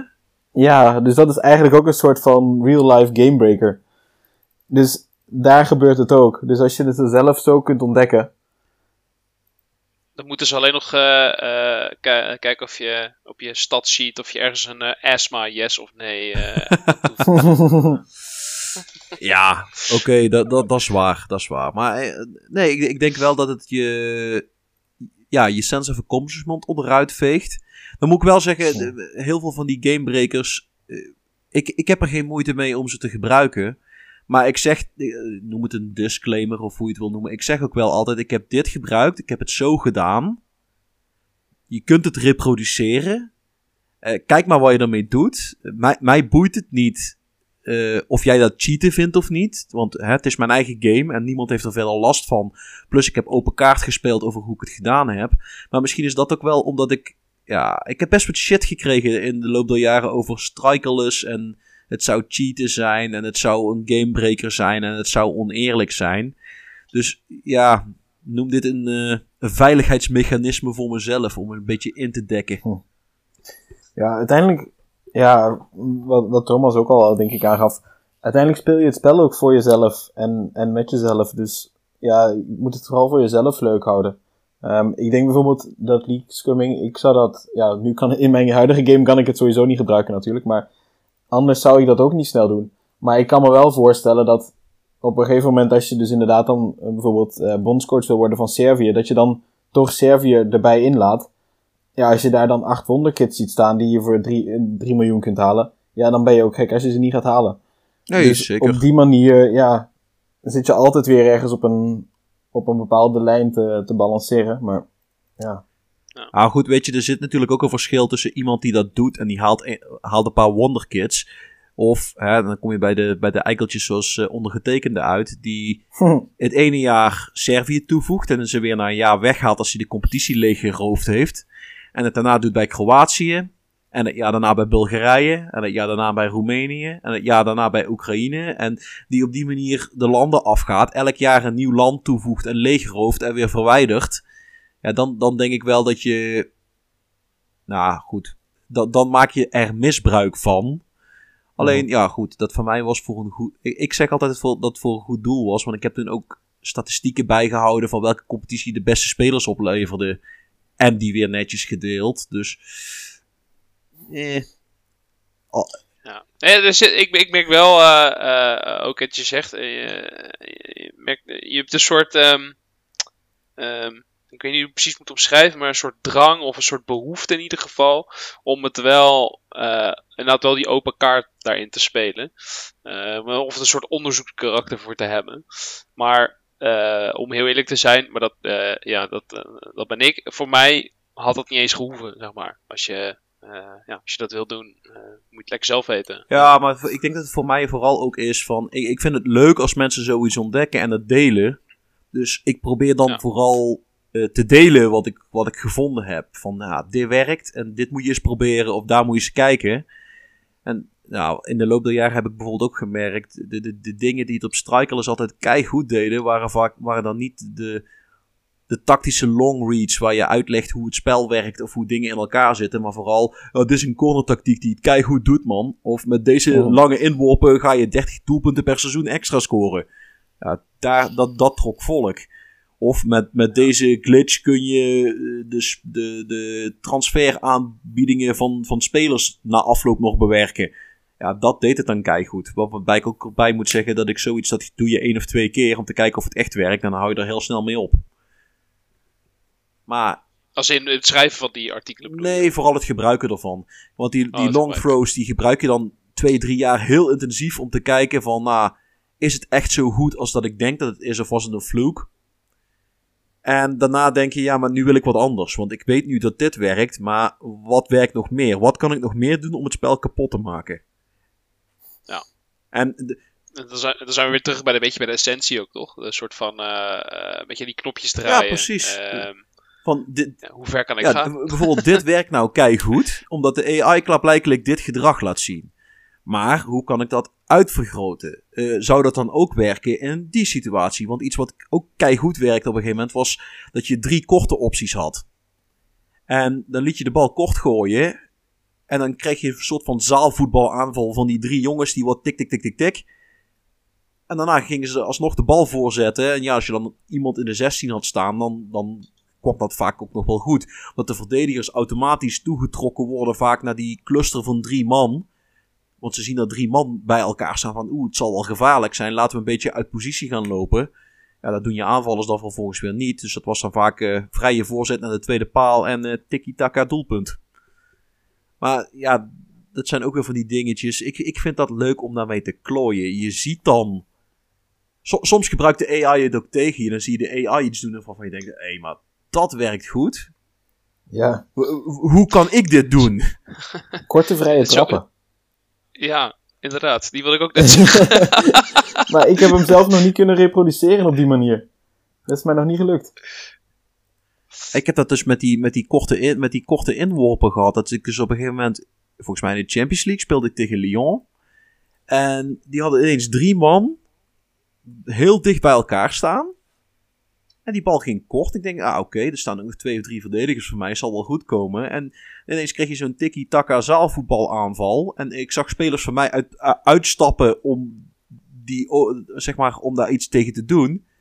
En toen had ik zoiets van, oh kut, dit gaat fout. En dat ging ook fout, maar toen had ik wel zoiets van, oké, maar dit wil ik ook gaan doen. Dit, dit werkt klaarblijkelijk, nou dan, dan moet ik dit ook kunnen. En dat, dat vind ik op zich dan nog wel, ja, ik vind dat wel geinig om, om dan te proberen en te reproduceren. Ja, absoluut. Ja, zeker. Zo ben ik volgens mij ook een aantal FM's geleden. Uh, waren volgens mij op een gegeven moment full, fullbacks, denk ik. Echt heel overpowered. Uh, en vooral met uh, whipped crosses. Waren dat niet de inverted wingbacks die, die, die compleet niet werden opgepakt? Dat is nu nog Misschien- altijd. mis- Oh. Ik, misschien waren het inverted wingbacks Nee, ook een, toen een paar, eh, maar, paar edities geleden waren het de fullbacks inderdaad. Zeker als je een, een, gewoon een zijkant open liet met enkel backs. En ja, die liet je gewoon gaan. Ja, dat, eh, dat, dat, dat, volgens mij heb ik toen een seizoen gehad dat ik heel veel eh, van dat soort goals tegen me kreeg. Eh die van viel me op. En toen op een gegeven moment dacht ik, ik, moet dit ook hebben. dus toen heb ik volgens mij twee van die, eh, van die natural fitness goden gekocht op de backpositie. Die een redelijke bal konden voorzetten. En gewoon eh 20 plus assist. Ja, dan, Ah, eh, vaak zijn die voorzetten heel niet eens zo heel belangrijk. Want dan krijg je een beetje, zeg maar, de Dennis Rommedaal doctrine. Als je 20 keer per wedstrijd een bal voorzet, dan zal er echt wel eens een keer eentje goed vallen. dat is ook zeker. Ja, zo heb ik eh, een keer een game gehad met, eh, met ADO Den Haag. En dan, eh, dat was in het jaar dat eh, Mike Havenaar daar nog speelde in de, in de spits. en ik had dan als reservespits had ik ehm, Kevin Vink. eh, van de, volgens mij van de amateurs van Excelsior Maasluis. Maar die, die is 2 meter. Had ik als reservespits genomen. En dan eh, Aaron Meijers op de linkerkant. Direct eerste jaar kampioen. eh, tweede jaar ook weer kampioen. En eh, vrij ver gekomen in Europa. Dus ja, op die manier eh, ja, vind je soms zoiets. Ja, zo, zo heb ik, volgens mij was dat deze versie zelfs, dat ik in de beta met Fortuna Sittard begonnen ben. En gewoon in het eerste seizoen landskampioen kon worden. Want ik had de counterpressing goed staan.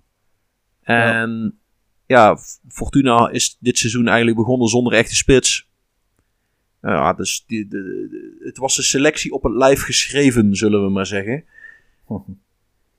Eh, even kijken, ik had een soort conclusie geschreven.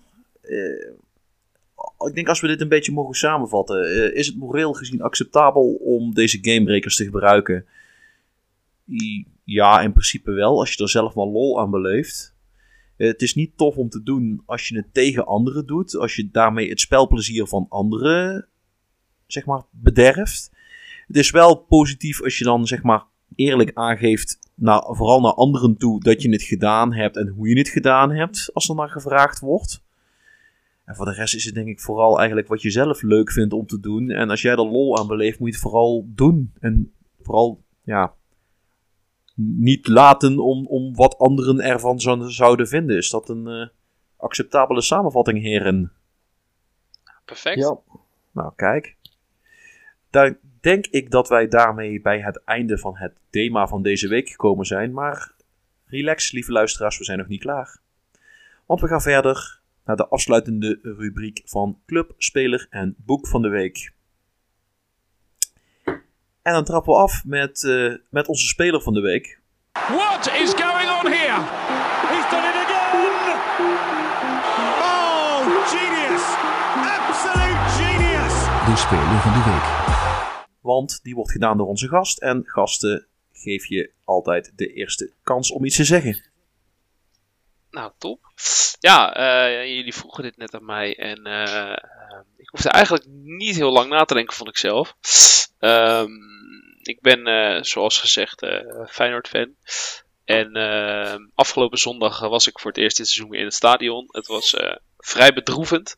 Ehm, zoals jullie waarschijnlijk eh, allemaal hebben meegekregen, dat is de hele voorbereiding van Feyenoord op dit moment wel. Eh, maar, sorry, je wilde wat zeggen? Nee, ik wilde zeggen dat er een reden is waarom Paul nog niet, eh, nog niet in deze podcast is geweest. Die is, eh, die, die is nog lichtelijk depri na, de, na het aanschouwen van die Zepert tegen Kopenhagen. Ja, ja dat kan ik me heel goed voorstellen. Heb ik dan niet live gezien, maar eh, uiteraard wel eh, met eh, pijn de beelden bekeken. Snap ik. Maar goed. ja, maar goed. eh, dus afgelopen zondag zat ik wel lekker met het biertje en in het zonnetje. En ik uh, heb er hartstikke naar mijn zin gehad hoor. Maar eh, er waren wat kleine lichtpuntjes die ik heb gezien. Maar er was één eh, vrij grote felle lamp die eh, op de rechtsbackpositie stond in de eerste helft. Eh, en dat was eh, Benita. Mimi Benita, ook wel genoemd. Ehm ja, hij speelde met, eh, met veel bravoure. Hij eh, alsof hij al eh 20, 30 wedstrijden heeft gespeeld. Deed me ook een beetje denken gewoon aan Malasia's eerste paar potjes. Ehm vorig seizoen heb ik al een paar keer dat, dat, dat eh, jong, bij Jong Feyenoord, zeg maar voor de onder 21, maar ook als hij dan volgens mij in bekerpotjes erin kwam. Volgens mij is hij ook een keer in een eh Conference League erin gekomen. Eh, zag je toch wel, ja, die jongen kan wel ballen. Eh, het is een rechtsbuiten die ze op rechtsback hebben eh, gezet. En ja, dat, dat zie je wel. Ehm, hij kan verdedigend echt nog wel het een en ander leren. Maar eh, hij gaf een paar ballen. Op een gegeven moment gaf hij één bal op, eh op eh, Walemark. Het is dat hij het, het lichaam heeft van een, van een, van een lege Fristri. of een lege... maar die, die, ja, maar die bal die die gaf was echt perfect op maat. En er waren weinig spelers die zeg maar, in die passing zo goed afgesteld stonden als hij. En hij had, ik weet even niet wie het is, maar die nummer 7 van Lyon, de eerste helft, had hem aardig in de broekzak. Ja. Eh, ja, ik moet zeggen, ik heb hem toevallig deze zomer zien spelen bij Nederland onder de 19 tegen Noorwegen. Ehm, daar was ik gaan kijken. En eh, hij was daar voor mij misschien wel de beste speler van, van Nederland onder 19. Ehm, ja, dat zei ook wel iets over de rest van het Nederlandse team, moet ik eh, toegeven. Maar hij speelde een heel goede wedstrijd daar. En inderdaad, eh, een beetje een, rechtsbenige Malasia. Dat vind ik op zich wel een goede vergelijking. Nou, als ze daar dan over Ja. een aantal jaar net zoveel aan verdienen als aan eh, de linksbenige Malasia, dan kun je zeggen van een, eh, een nieuw pareltje van Varkenoord. dat zou inderdaad mooi zijn. Is dat onze speler van de week? Eh, club van de week, die doe ik. Brilliant! Just brilliant! He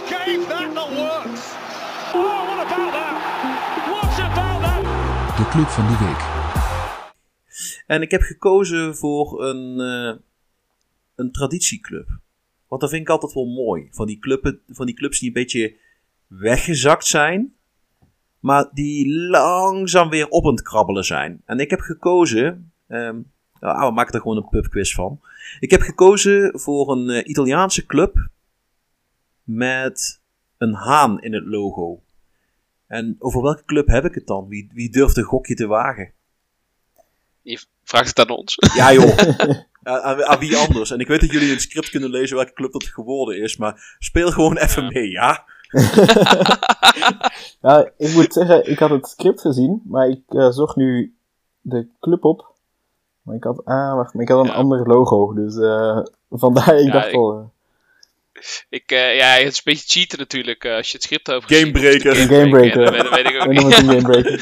Ja, maar goed, eh, ik denk ook dat ik niet heel veel clubs ken met een eh haan-logo. Maar deze ken ik toevallig nog toen ik ook nog eh, veel FIFA speelde. En natuurlijk, ik, ja, ik speel nog wel eens met, met Milaan in de Serie A, met Inter. Dus eh Bari Ja, dat klopt. is het.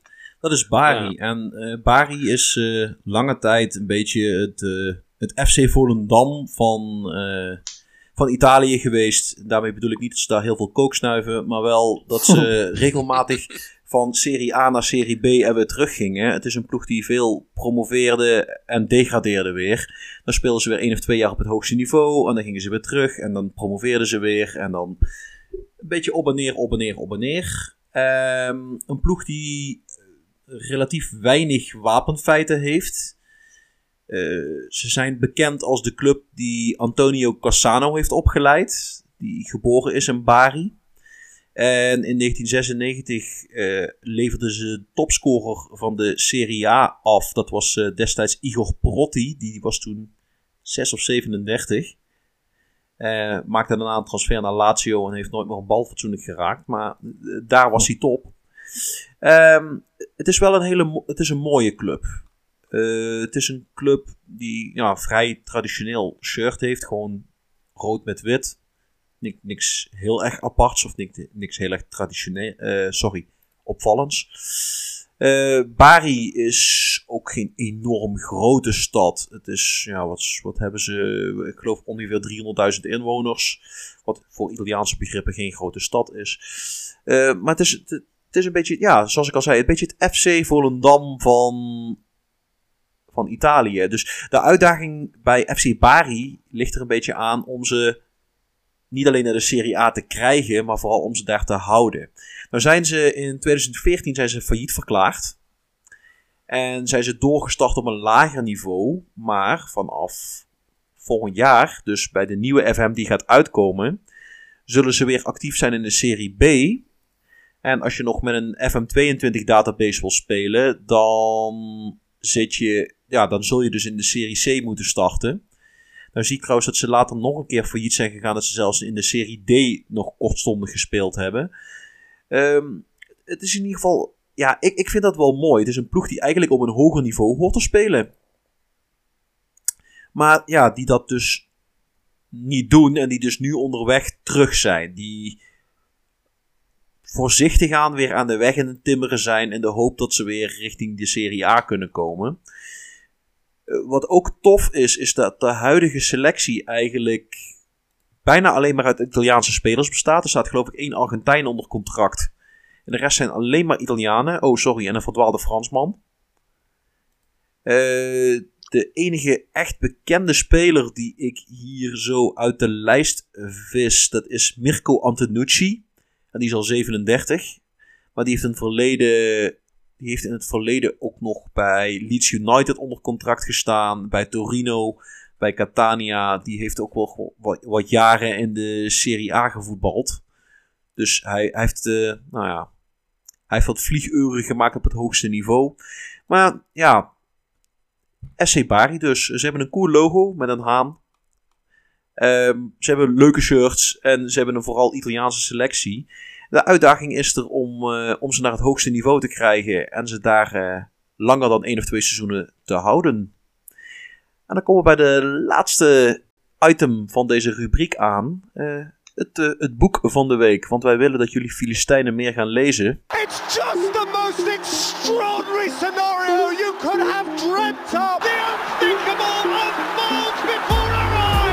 Het boek van de week.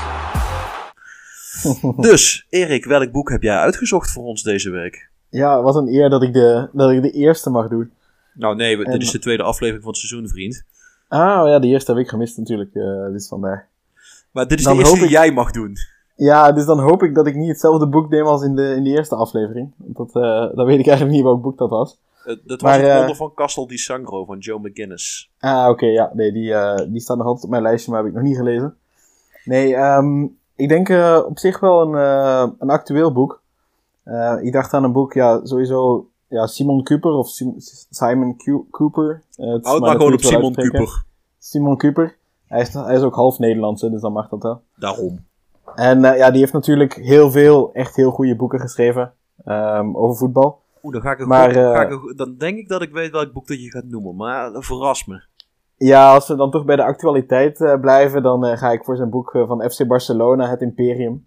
Yes, precies. Nou, vertel, wat, he, heb je het al gelezen of moet je het nog lezen? Ja, ja ik heb het al gelezen. En ik ben er eigenlijk best wel snel doorheen gegaan. Het is, het is geen heel, heel makkelijk boek om te lezen. Het is, ja, het is goed geschreven, maar ja, je moet wel je, je hoofd erbij houden. Er wordt zoveel in... je leert er eigenlijk heel veel van over hoe dat een voetbalclub in elkaar zit. En dan nog, uh, ja, vooral Barcelona is gewoon een heel speciale club, ook hoe dat ze in elkaar zitten. Um, je krijgt een beetje alle aspecten mee. En, daarom vind ik het een heel leuk boek om te lezen um, als je ook van voetbalmanager houdt. Omdat het gaat over uh, hoe dat de club in elkaar zit, hoe dat ze geld binnenkrijgen, hoe dat de jeugdopleiding is opgezet, uh, hoe dat ze de transfers doen, hoe dat de tactiek um, is gekomen. Dus echt alle aspecten komen aan bod. Die je eigenlijk ook bijna allemaal in, in voetbalmanager kunt, kunt meenemen. Dus daarom uh, vond ik het een heel mooi boek. Dat, dat het wat droog kan zijn, is dat niet ook omdat Cooper uh, een achtergrond heeft als financieel analist? Ja, ja absoluut. Um, maar toch beschrijft hij het wel op een manier dat je, dat, dat je nog wel vrij vlot kunt doorlezen, vind ik. Uh, er staan ook gewoon heel leuke kleine weetjes in. Um, ik zal er misschien eentje meegeven. Ja, de rest moet je natuurlijk zelf het boek maar gaan lezen. Maar wat ik heel leuk vond was, eh, was om te lezen dat, eh, dat Johan Cruijff was natuurlijk een van de duurste transfers toen, eh, toen hij naar Barcelona kwam. Maar eh, toen hebben ze hem blijkbaar ingeschreven alsof hij V is, zodat hij qua taxen was dat eh, voordeliger. om hem dan in te voeren. Oh, Oh.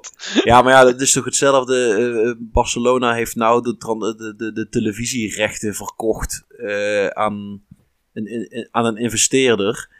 En dat lijkt alsof ze daar heel veel geld aan verdienen. Maar het, het komt er volgens mij op neer dat ze voor de komende, wat was het, 30 jaar in totaal 780 miljoen gaan inleveren.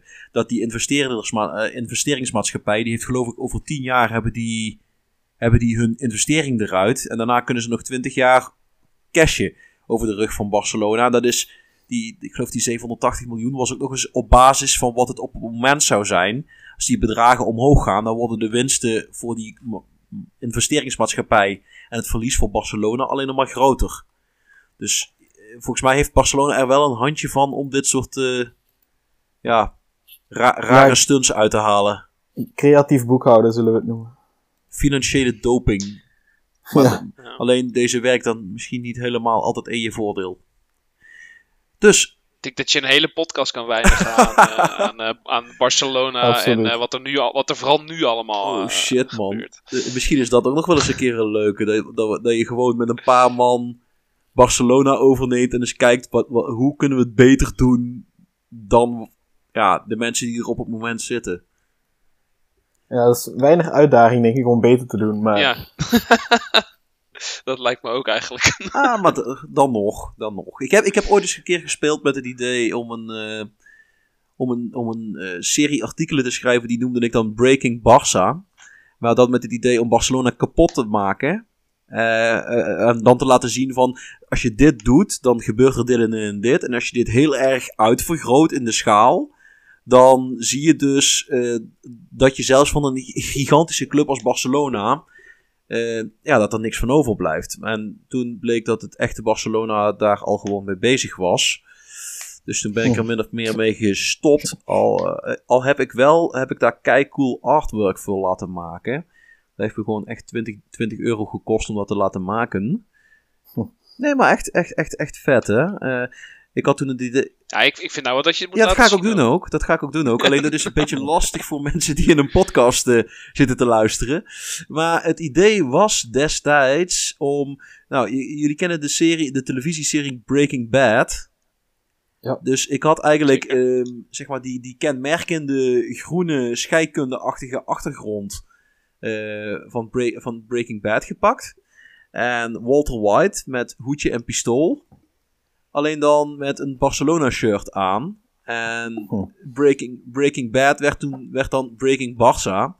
En dan zou mijn manager zou dan niet Walter White, maar Walter Blanco gaan heten.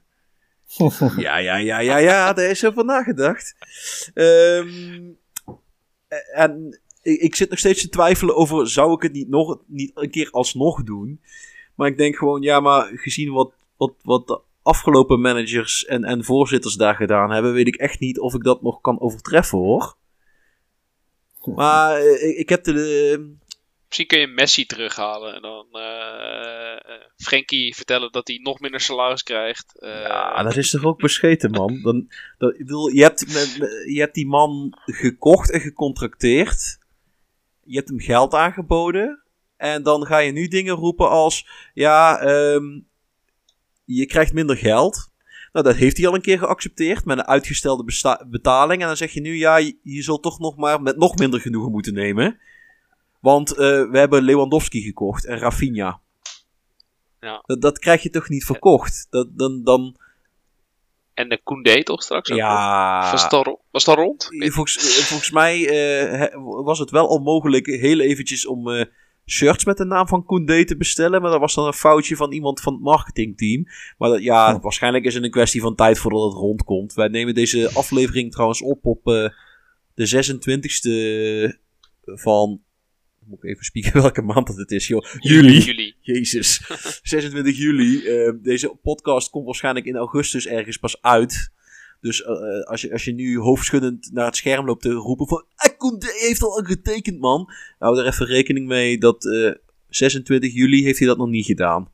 Dus het is niet zo dat wij. eh, eh, ja, we zullen vast ook wel achterlopen in meerdere opzichten. Maar in in dit opzicht hebben we het gewoon allemaal een beetje gevolgd. En is het meer gewoon dat wij deze aflevering heel vroeg opnemen. Omdat onze technicus Fabian binnenkort op vakantie gaat. En hij zei: Ja, eikeltjes, jullie zorgen maar gewoon dat die afleveringen opgenomen zijn voordat ik op vakantie ga. Waarvan akte Fabian niet boos op ons zijn. Ja, en een goede vakantie. En een hele fijne vakantie alvast. Zeker weten. Dus daarmee ga ik wel eh, deze aflevering langzamerhand afsluiten. Lieve luisteraars, we willen jullie heel graag bedanken voor het luisteren naar onze podcast. Heb je nou toch vragen over het onderwerp van deze week of over willekeurige andere onderwerpen? Eh, dat, wij, wij willen die vragen gewoon beantwoorden. Stuur ze naar ons via Twitter. Eh, het makkelijkste is om mij te benaderen op Twitter. Ik, ik gebruik mijn account daadwerkelijk af en toe ook nog. Ehm, maar je zou het ook via het Twitter-account van Managers United kunnen doen. Mailtje sturen naar podcast.manunited.nl. Dat kan ook. Eén keer per week laten we iemand eh, die dingen lezen. Ik geloof dat we Paul inmiddels eh, administratief slaaf gemaakt hebben. Dus hij leest, hij leest onze mailtjes. Als je jezelf wil uitnodigen als gast, dat kan ook. Want zo is Thomas hier gekomen. En Thomas heeft het hartstikke leuk gevonden, hopen wij. Ja, ja, zeker weten. Ik heb het eh, erg naar mijn zin gehad. Ik hoop dat jullie het ook tof vonden. Absoluut. Dus, nou, als je nou een keer zegt van, ja, maar wat zij kunnen, dat kan ik ook. Nou, kom maar, eh, je bent welkom. Vergeet niet om je te abonneren op onze podcast. Dan krijg je elke woensdag een heads-up dat we weer een nieuwe aflevering gedropt hebben. Een rating van 5 sterretjes op jouw podcast medium naar keuze zouden wij ook leuk vinden. Vindt het algoritme leuk? Vinden wij leuk? Vindt Fabian leuk? Dan hebben we het idee van een stukje waardering van... hey, kijk, het is niet helemaal voor niks dat jullie dit doen. Al moet ik trouwens zeggen dat we het vooral zelf eigenlijk leuk vinden. En dat er schijnbaar veel mensen naar luisteren is gewoon een, eh, een mooie bijkomstigheid. Even kijken, deze aflevering werd mede mogelijk gemaakt door Gerardus Triple.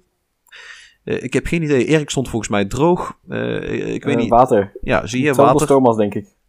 Ja, kijk, dat is dan. nou, oké. Zo, zo gaan we dus nooit sponsors krijgen, heren.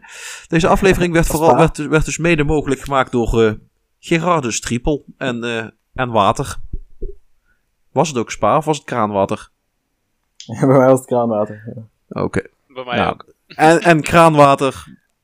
Ijskoud kraanwater. Sowieso. Dus, Shout-out shout shout naar eh, Hydro Homies op, eh, op Reddit. ik weet niet of iemand het kent, maar zoek het op. Nou, leuk. kijk, we krijgen er nog een gratis leestip bij ook. Ja. Eh, dames, want die luisteren ook. En heren en eh, diversen, eh, bedankt voor het luisteren naar deze podcast. En tot de volgende week. De Voetbal Managers United podcast.